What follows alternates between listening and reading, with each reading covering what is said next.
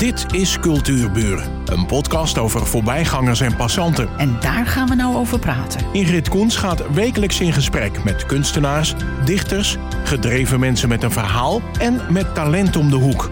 Vandaag gaat ze in gesprek met Martijn Pieters. Studeerde kunstgeschiedenis en archeologie. Liep stage in Trier. Ik ga het proberen in het Bischöfliches Dom und Diözesan Museum. Genau.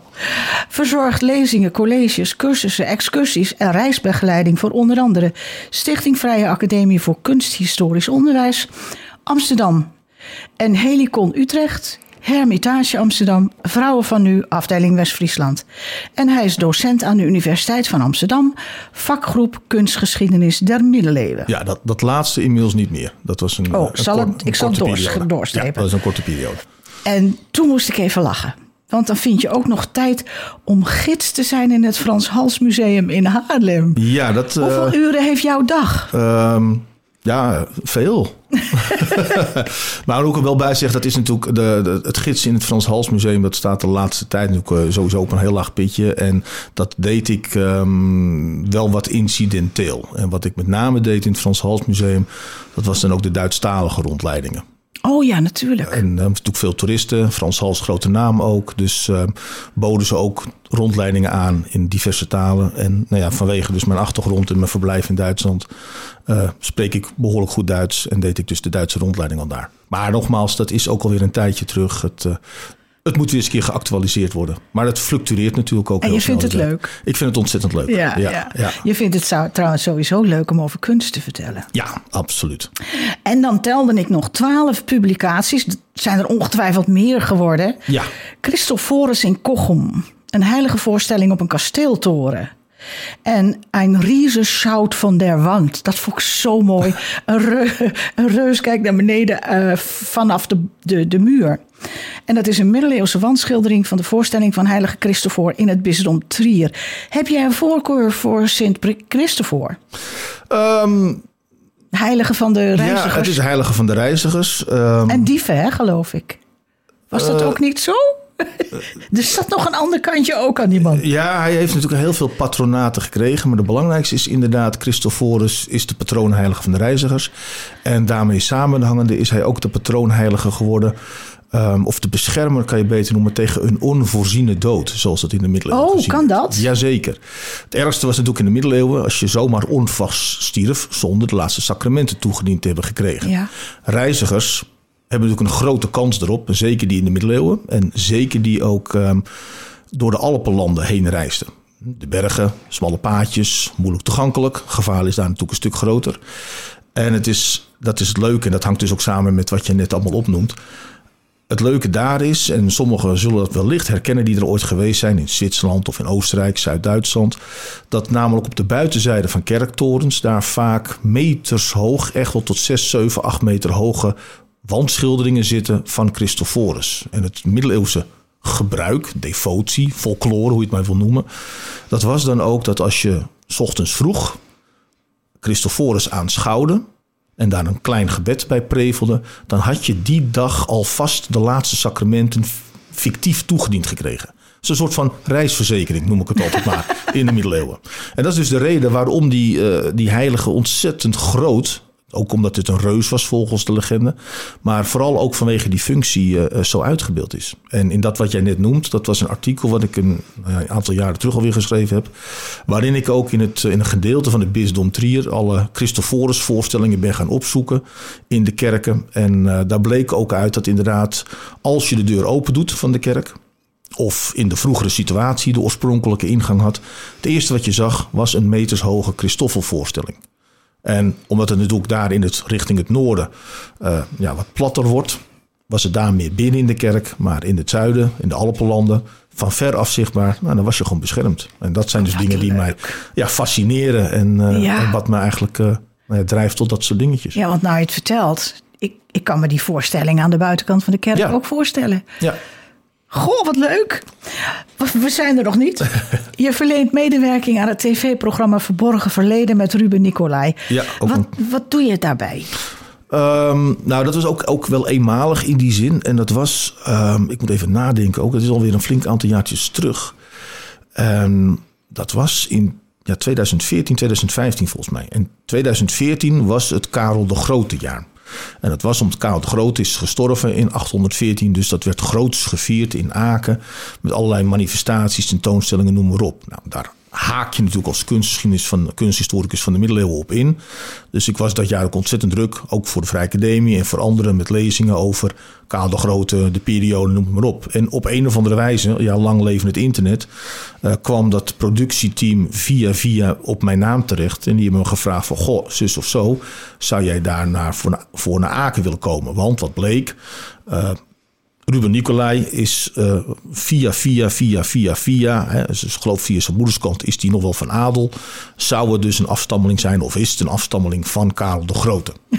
Wat leuk. Ja, en, um, en voor dat stukje, dat moest ik hem dus daar in Aken uh, uit gaan leggen. Dus laten zien hoe die stamboom eigenlijk liep. En dus wat vertellen over Karel de Grote. Dus het is ja, uiteindelijk een, een, paar minuutjes geworden. Maar goed, het was een hele leuke ervaring om. Uh, om en je was er toch? En ik was er toch. En, en ach, je voorkeur gaat ook uit naar Karel de Grote. Onder andere ook, ja. Waarom? Ja. Nou, ik, ik, ik, Was die man zo bijzonder? Jazeker. Ik ben van, van huis uit, van mijn studie ben ik een medievist, zoals het zo mooi heet. Dus een, een middeleeuwen ja, specialist. Dus ik heb me gespecialiseerd in middeleeuwse kunst. Nou, daar vaart, valt Karel de Grote onder. Maar hij was geen kunstenaar. Nee, Karel de Grote was natuurlijk een, een, een koning. En uh, sinds de Romeinen weer ook de eerste keizer. Hij werd in 800 in de Sint-Pieter in Rome door de toenmalige paus, Leo III was dat, werd hij uh, gekroond tot keizer. En dat kwam mede ook omdat hij, er zit natuurlijk een heel politiek spel achter. Maar dat kwam mede ook omdat Toen hij een, ja zeker, het is van alle tijden dit. Maar omdat hij een heel groot rijk al bij elkaar uh, had verkregen en had bevochten.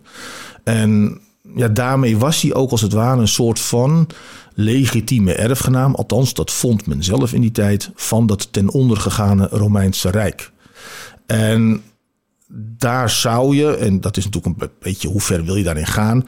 Maar sommigen zien daarin eigenlijk al een soort van stichting van Europa. Hij verenigde, wel op een iets andere manier dan dat we het tegenwoordig doen. Maar hij verenigde eigenlijk al allerlei verschillende volkeren, stammen in dat immense rijk. En uiteindelijk is dat rijk natuurlijk ook versnipperd door de erfdeling en noem Ja, op. dat is jammer, hè? Ja, en uiteindelijk is dat, nou ja, uiteindelijk ziet men daar ook de basis qua geografie en qua, qua uh, ja, geografische inrichting van het huidige Frankenrijk, Frankrijk, en van Duitsland. Dat is eigenlijk in die tijd min of meer door zijn nazaten is dat al gevormd. En, Maar dan nog van waar jouw voorkeur? ja, nou, omdat, omdat Qua mens? Um, nou, nee, daarvoor ken je hem natuurlijk niet persoonlijk genoeg. Hoewel we een prachtige biografie hebben van hem, van Einhard. Maar het is een periode, en dan zitten we dus zo uh, 768 tot 814. En eigenlijk nemen we de hele negende eeuw erbij met ook zijn zonen en kleinzonen die het voortzetten.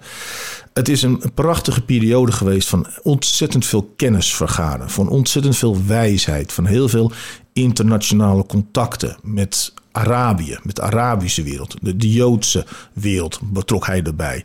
Aan het Hof in Aken verzamelde hij, en als ik zeg hij bedoel ik ook zijn hele nou ja, adviescomité, zeg maar. Maar ook allerlei ja, wetenschappers uit alle hoeken. Om dus Kunstenaars. kunstenaars ook, maar ook sterrenkundigen, taalkundigen. Hij leerde weer Latijn, want hij kon niet lezen of schrijven van geboorte. Um, er worden, werden prachtige voorwerpen gemaakt, gewoon ambachtelijk, van edelmetaal. Uh, handgeschreven boeken die dus ver, verlucht werden, zoals je het noemt, die dus beschilderd werden. Uh, fantastische bouwwerken verrezen er in het immense rijk. En mijn, mijn punt is altijd een klein beetje dat... Um, je hoort vaak mensen zeggen, ja, die middeleeuwen, och, donkere periode, och, dat zijn middeleeuwse praktijken en noem het maar op allemaal. Nou, het is gewoon klinkklare onzin. Niks donkere middeleeuwen. Het is een dat periode konden ze geweest. toen nog niet. Nee, precies. God, dat ze dat al Ja, toen konden. ja. Nou, ik zou eigenlijk andersom, andersom willen redeneren. Wij zijn blijkbaar niet veel verder gekomen. Nee. Nee, dus het is eigenlijk ook een, een, een- het beeld wat heerst bij, eh, bij de man en bij die periode. Ja, dat is gewoon incorrect. En dat is toch, merk ik wel een beetje, een heel erg hardnekkig beeld. Wat ik zo zonde vind. Want Ja. daardoor eh, wordt er gedaan alsof dat inderdaad alleen maar kommer en kwel was. En dat is absoluut niet het Voor geval de, voor geweest. de Tuurlijk. arme bevolking wel. Maar die, dat geldt nu nog steeds. ja, ja, en dat ja. gold in de 17e eeuw ook. Noem het maar op, dat is van alle tijden. Ja, hebt Ehm, dus ja, ik heb daar heel veel bewondering voor. Ook voor wat men toen kon en wat toen gebeurde. En ja, door de kennis die in de loop der jaren vergaart... zie je natuurlijk ook daar wel nog eh, de naweeën van, of zie je de gevolgen daarvan. En Maar er zijn nog veel dingen van hem over, hè? Want Ja. in Aken, uiteraard, en in Maastricht. En was het ook niet Arnhem? Was daar ook niet wat? Nijmegen. Oh, Nijmegen, ja. ja. Ja. Want daar heeft hij ook nog gezeten als keizer, hè? Ja, hij, ehm, dat, dat middeleeuwse, het vroeg middeleeuwse koningschap en keizerschap, dat was, zoals men dat toen ook noemde, een regeren vanuit het zadel. Dat betekende dat je natuurlijk in dat immense rijk wat hij had, daar moest je eigenlijk continu, moest je daar, nou ja, je heerschappij, moest je daar legitimeren. Moest je natuurlijk aanwezig zijn. Moest je natuurlijk laten zien van ja, ik ben de koning. Zuid-Frankrijk, had ze natuurlijk nog nooit leven Karel de Grote gezien. Dus hij reisde eigenlijk continu in de ronde.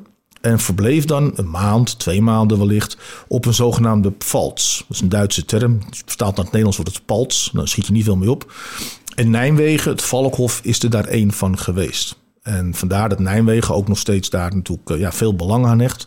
staat niet heel veel meer overeind. Althans, dat wat er nu nog staat in Nijmegen is van wel wat latere periode. Maar er zijn natuurlijk wel allerlei opgravingen geweest. En in het museum, het Valkhof dan ook geheten. Eh, daar zijn nog wel wat, wat opgravingsrestanten te zien. En ehm, Maastricht is natuurlijk ook in die periode inderdaad een belangrijke stad geweest. Maar Aken, dat was uiteindelijk toch, toen hij wat ouder werd, zijn vaste residentie. En daar, ik stuur ook altijd iedereen, als ik hierover moet spreken, naar Aken toe. Je moet een keer naar Aken, het is vlakbij, zeg ik altijd. Want daar kun je in de Dom van Aken, een, het eerste gedeelte van die kerk, dat is nog steeds het bouwwerk uit de tijd van Karel de Grote. Wat dacht je van die schatkamer? Die schatkamer daarna is ook Daar prachtig. valt je mond van open. Ja, ja, en dat is dus het mooie. Er is eigenlijk, ook al is het wat minder bekend bij het grote publiek, en ja, dat wil ik natuurlijk altijd graag wel aan de mensen duidelijk maken. Er is nog zoveel moois te zien. Alleen soms op wat minder gemakkelijke of misschien wat minder voor de hand liggende plekken. Maar in Aken, daarnaast de Dom, inderdaad de Domschatkamer, de Domschatkamer, ja, daar bewaren ze dus de voorwerpen uit die tijd onder andere. Je kan trouwens eh, vi- virtueel daar Ja. ook naartoe, hè? Dus je kan dat nog zien, dat nu. Ja, In deze absoluut. tijd. Jazeker. We gaan verder. We zijn er nog niet natuurlijk. En je werkt ook mee aan het eh, radioprogramma Met het oog op morgen. Hoe kwam je daar nou bij? Eh, ja, eigenlijk eenzelfde soort, eenzelfde soort verhaal. Ehm, dat was toen de tijd ook, ook dat is één of twee keer geweest. Ehm, toen er een tentoonstelling was in het Frans Hals Museum. Over volgens mij Cornelis van Haarlem, moet ik even terugdenken. En dat programma wilde daar natuurlijk even kort wat aandacht aan besteden. En vanuit het museum eh, hebben ze mij toen gevraagd van... Goh, kan, kan jij dat op je nemen? Want eh, nou ja, was geen tijd of wat dan ook, dus het is prima. Dus toen is er ook op een zaterdagavond een, eh, nou een technicus, net zoals hier eigenlijk, naar mijn huis gekomen. En die heeft daar eh, het een en ander geïnstalleerd. En toen eh, ben ik daarvoor gevraagd eigenlijk om wat uitleg te geven over dat wat er te zien was. En waarom je daar natuurlijk allemaal naartoe moest toen de tijd. En eh, dat was ontzettend leuk om te doen. En, Ja, dat, dat bewijst ook eventjes jouw brede interesse. Trouwens, je bent ook afgestudeerd in eh, archeologie. Wordt er veel gegraven in Nederland? Ehm, ja, nou, kijk, archeologie was onderdeel van mijn studie. Eh, zeker het eerste jaar. Dus, dus met het eerste jaars, de propenduizen, mocht ik ook dan mijn vervolgopleiding archeologie gaan doen. Ik ben uiteindelijk kunstgeschiedenis gaan doen. Maar archeologie is wel altijd ehm, eigenlijk een, een, hele, een hele grote interesse van me geweest. Al vanaf jonge jongen. Zoals waarschijnlijk een heleboel. Gefascineerd door Egypte. Ook geweest ooit. Ehm, Trier, waar ik dus een tijd verbleven heb, is een oude Romeinse stad. Ja. Dus daar is ook nog steeds heel veel te zien. Dus naast, naast mijn echte vak, naast de kunstgeschiedenis en dan vooral de middeleeuwen, ben ik nog wel steeds lid ook van archeologische tijdschriften. Eh, bezoek ik ook musea en noem het maar op. En ja, gegraven wordt er nog steeds, maar dat romantische idee, wat ik natuurlijk ook vroeger ooit had, hè, dat altijd maar gelijk de spade de, de grond ingaat, dat is natuurlijk niet helemaal meer zo. Eh, archeologie is natuurlijk een, ehm, zoals ze het zelf noemen, een destructieve wetenschap. Want ja, je kunt iets maar één keer opgraven. Ehm, en als je iets opgraaft, dien je daar natuurlijk ook de gevolgen van te dragen. En heb je de verantwoording daarvoor. Het moet natuurlijk allemaal uitgewerkt worden. Het moet geduid worden. Nou, dat is natuurlijk jaren werk. Plus, het zit al soms eeuwen in de grond. Dus laat het daar zitten, dan zit het goed. Ook voor toekomstige generaties. Dus wat tegenwoordig, eh zover ik het weet natuurlijk, in de archeologie gebruikelijk is, is dat er vooral gegraven wordt wanneer het echt niet anders kan. Bijvoorbeeld nieuwe woonwijken, nieuwe weg die aangelegd dient worden. De- dan is de kans op vernietiging en dan graaft men op. En dat wordt tegenwoordig ook steeds meer gedaan door commerciële, professionele bedrijven. Ja, maar het, is natuurlijk ook die, die veenlijken, hè, die, dat, dat wordt nog wel eens gevonden. Ja, ja er wordt natuurlijk een heleboel. heel interessant. De, de zogenaamde amateurarcheologen. Die ook met de metaaldetectoren de ja, weilanden afstruinen. Ja, dat vond van alles. Ja. Dus nee, dat uh, is ook nog steeds een heel groot interessegebied. Wat me altijd weer verbaast is dat jij mensen als bijvoorbeeld Caravaggio en Rembrandt, maar ook Gustav Klimt en Frida Kahlo, je maakt er gewone mensen van. Je laat ook hun hebbelijkheden horen, in dit geval, en hun problemen en hun liefdes. En als ik naar jou luister, ga ik altijd een beetje van ze houden. Hoe doe je dat toch? ja, nou, ik doe, ja, om nou te zeggen, ik doe me wat. Dat is natuurlijk mezelf een beetje tekort doen. Dat is niet zo. Maar ik, nee, want ik, heb verschillende lezingen gevolgd hoor. Dus ja, ik weet het, ik weet het, valt het bij op. Nee, het is. Um, ten eerste denk ik, ik volg heel vaak met wat ik vertel of als ik iets maak of samenstel, volg ik wel altijd heel vaak als eerste mijn eigen interesse. Ik wil graag zelf iets weten. Um, en, en, je stelt jezelf vragen of er, er komt iets boven en dat ga je dan uitzoeken of bedenken. En daarnaast ben ik ook iemand. Ik ben niet zo heel erg dol op de adoratie, laat ik het zo zeggen. Uh, Wat bedoel je daarmee? Nou, dat, oh, de grote kunstenaar. Uh, dat, dus, dus de, nou, de halfgod die erg op een berg geplaatst wordt en alles wat hij maakte. Vincent van Gogh bijvoorbeeld is er zo'n eentje. Of ja, Rembrandt. Rembrandt. Oh, oh ja, ja. En absoluut niks tekortdoenende. Maar ik, ik, het zijn ook mensen.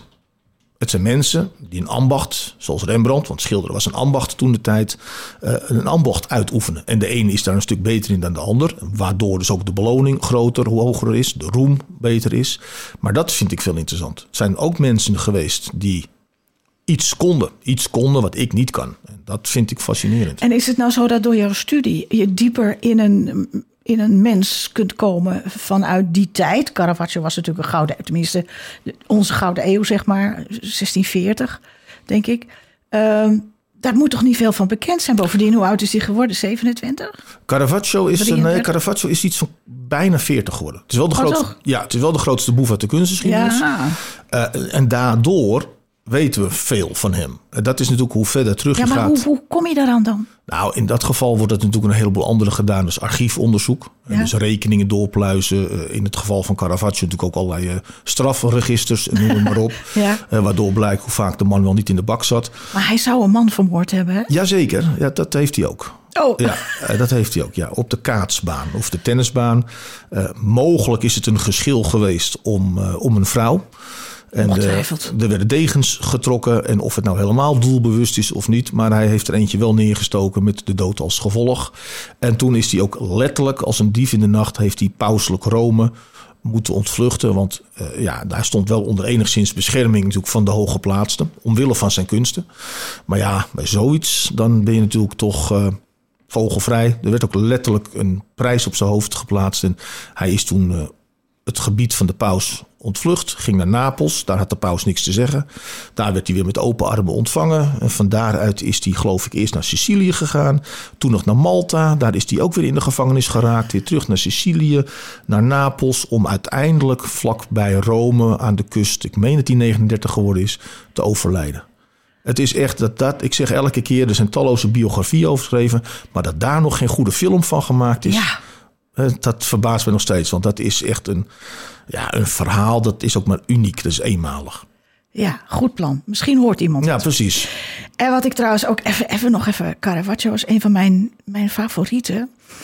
Um, normaal gesproken zie je schilderijen met voorstellingen. Dat was toen ook zo. Maar hij laat bijvoorbeeld op dat. Ik weet nooit hoe die schilderijen heten. Maar er wordt een, een paard. Daar staat een paard op. En dan kijk je naar de kont van het paard. Nou, dat heeft niemand gedaan. Nee, hij was, Caravaggio was inderdaad ook, en, en daarom is hij uiteindelijk ook zo beroemd geworden. Um, zowel in zijn eigen tijd, ook berucht, maar ook in zijn eigen tijd wel beroemd. En ook in de moderne tijd, hoewel ik daar wel bij moet zeggen dat tegenwoordig is Caravaggio bij de kunstliefhebbers een hele bekende grote naam. Maar ik denk dat een jaar of dertig terug was hij nog een stuk minder bekend. Hoe werkt dat toch? Ja, dat is natuurlijk toch ook. Uh, Smaak? Ja, zeker. Kijk, kunst, kunstgeschiedenis is uh, natuurlijk geen absolute wetenschap. En het heeft natuurlijk ook trends of nieuwe methodieken of nieuwe interessegebieden. En soms vallen daar bepaalde kunstenaars of stromingen of periodes buiten. totdat dat weer iets verandert. En dat zie je op dit moment ook. Schilders waar je vroeger nooit wat van gehoord hebben, die krijgen nu monografische tentoonstellingen om allerlei redenen. En dat maakt het ook leuk en interessant. Ja. En, uh, en Caravaggio was, die springt er natuurlijk wel echt uit. Maar het heeft ook te maken met smaak. Want Caravaggio, dat zal je weten, die werkt dus ontzettend veel met licht en donker. Ja, dat was uiteindelijk de inspirator van uh, Rembrandt. Onder andere inderdaad, ja. ja. En uh, heel realistisch. En met realistisch bedoelen ja. we dat hij ook echt heel erg...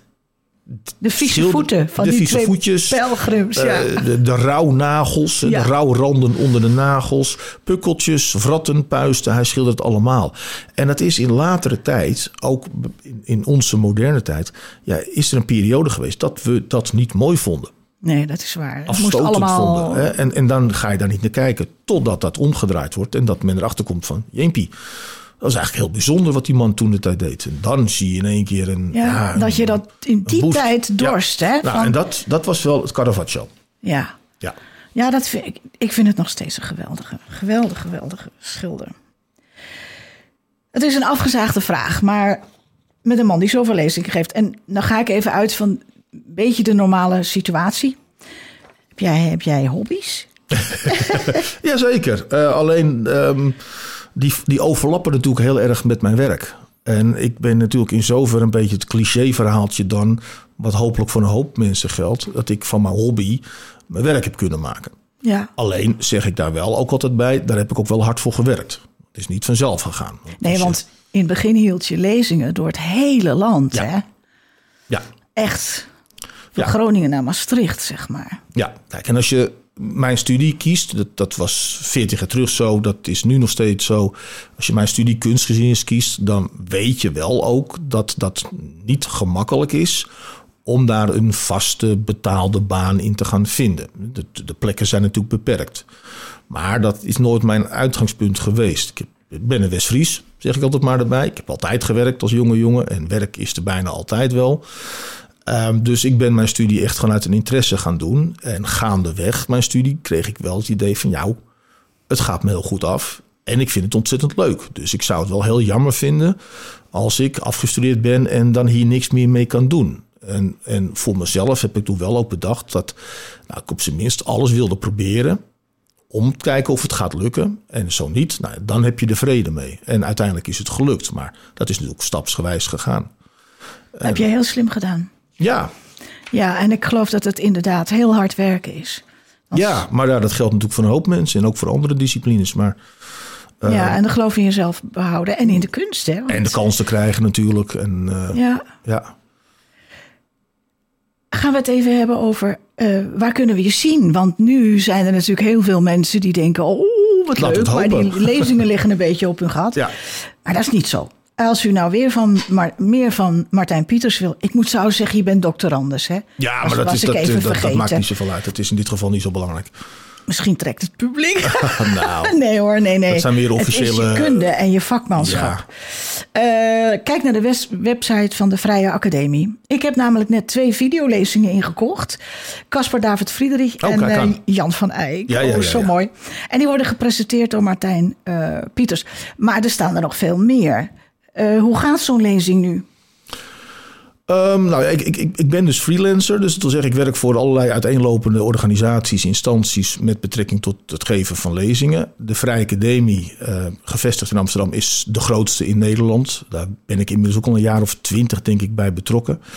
En die ja, in deze periode bieden natuurlijk toch ook cursussen en eenmalige lezingen aan. En dat gaat via het internet, via een online verbinding. En daarvoor gebruiken ze Zoom. En dat betekent dat dien je dan wel op je computer te installeren, maar dat kun je gratis downloaden, et cetera. En je koopt bij hun dus een soort van toegangsticket. Dat is een linkje die je dan toegestuurd krijgt via je e-mail. Nou, als je daarop klikt, dan kom je als het ware binnen in, eh, in de groep. En ik in dit geval laat je dan toe. En dan zit je in het comfort van thuis in je eigen stoel met de laptop. Sommige mensen zijn nog, nog handiger, die weten het aan te sluiten op televisie. En dan kun je gewoon vanuit het eigen, ja, de eigen omgeving toch zo'n lezing volgen. Ja, dat kan ik ook. En het, Ja. is, het is zo geweldig. Het is, eh, het is even wennen geweest voor een hoop. Ik ben maar- toen begonnen met, met zo'n lezing van Frederik. eh, Oh ja. en Ja, toen, ja, ja. en toen is ook, ook zo, zo geweldig. En eh, nu heb ik er twee van jou staan. Ehm, eh, ja, dat is natuurlijk ook weer een, eigenlijk een hele domme vraag. Heb jij een favoriete kunstenaar? Ehm, ja, ik heb er een aantal. Want jij hebt natuurlijk zo'n breed scala Ja. tot je beschikking. Ja, ik heb er een aantal. En dat, ehm, kijk nogmaals, ik ben van huis uit een, een middeleeuwer, zeg ik altijd maar. En ik merk ook nog steeds na al die jaren dat dat toch wel, wel voor mij het belangrijkste is. Maar natuurlijk door het werk ben je ook breder geworden en leer je ook dingen kennen. En dat is juist het leuke, leer je ook nieuwe dingen waarderen. Dus ik heb eigenlijk uit verschillende periodes wel favorieten. En ehm, nou ja, twee noemde je er al. Dat is ook de reden waarom ik die lezingen daarover gemaakt heb. Eentje is Caspar David Friedrich. Dat is een Duitse schilder uit de 19e eeuw. Dat is de romantiek. Ja, daar moet je van houden. Maar Ja. dat geldt natuurlijk voor alles. Ik ga het proberen. Ja, ehm, maar met uitleg kan, kan waardering ook groeien. Maar dat is een schilder die sowieso ambachtelijk heel realistisch werkt. Maar die wel door romantische thema's eh, gestalte gaf. En dat is dan niet, zeg ik altijd maar, gezellig met z'n tweetjes eh, met een kaarslichtje. Maar de echte romantiek, dat is natuurlijk wel een beetje zwaarmoedig. Het is wat somber. Het is soms wat bedrukkend. Maar hij weet dat heel mooi gestalte te geven. Met dus dichte bossen, met nevel in de bergen, met vervallen ruïnes. En ja, dat vind ik eh, wel heel mooi. En dat komt ook omdat ik natuurlijk veel in Duitsland, normaal gesproken veel in Duitsland ben. En het daar een hele grote schilder is. Maar de middeleeuwen, nou, er zijn natuurlijk een heleboel anonieme ja, ambachtslieden geweest, die wij nu kunstenaars noemen. Maar ehm, Jan van Eyck, dat is toch wel mijn andere grote, ja, grote ja, held. ja. Want wat die man met een penseel en verf kon, ja, dat heb ik eh, daarna eigenlijk nooit meer gezien, om het zo maar te zeggen, op die manier. Mooie afsluiting. Ja, Martijn Pieters, mag ik je hartelijk bedanken dat je hier gekomen bent. Jullie Kenneth, bedankt. bedankt voor je techniek. En ik zou zeggen, heel veel plezier. En dat wens ik mezelf ook bij jouw volgende lezing. dank jullie wel. Dit was Cultuurburen, een podcast van Ingrid Koens en Streekstad Centraal. Bedankt voor de aandacht en tot de volgende Cultuurburen.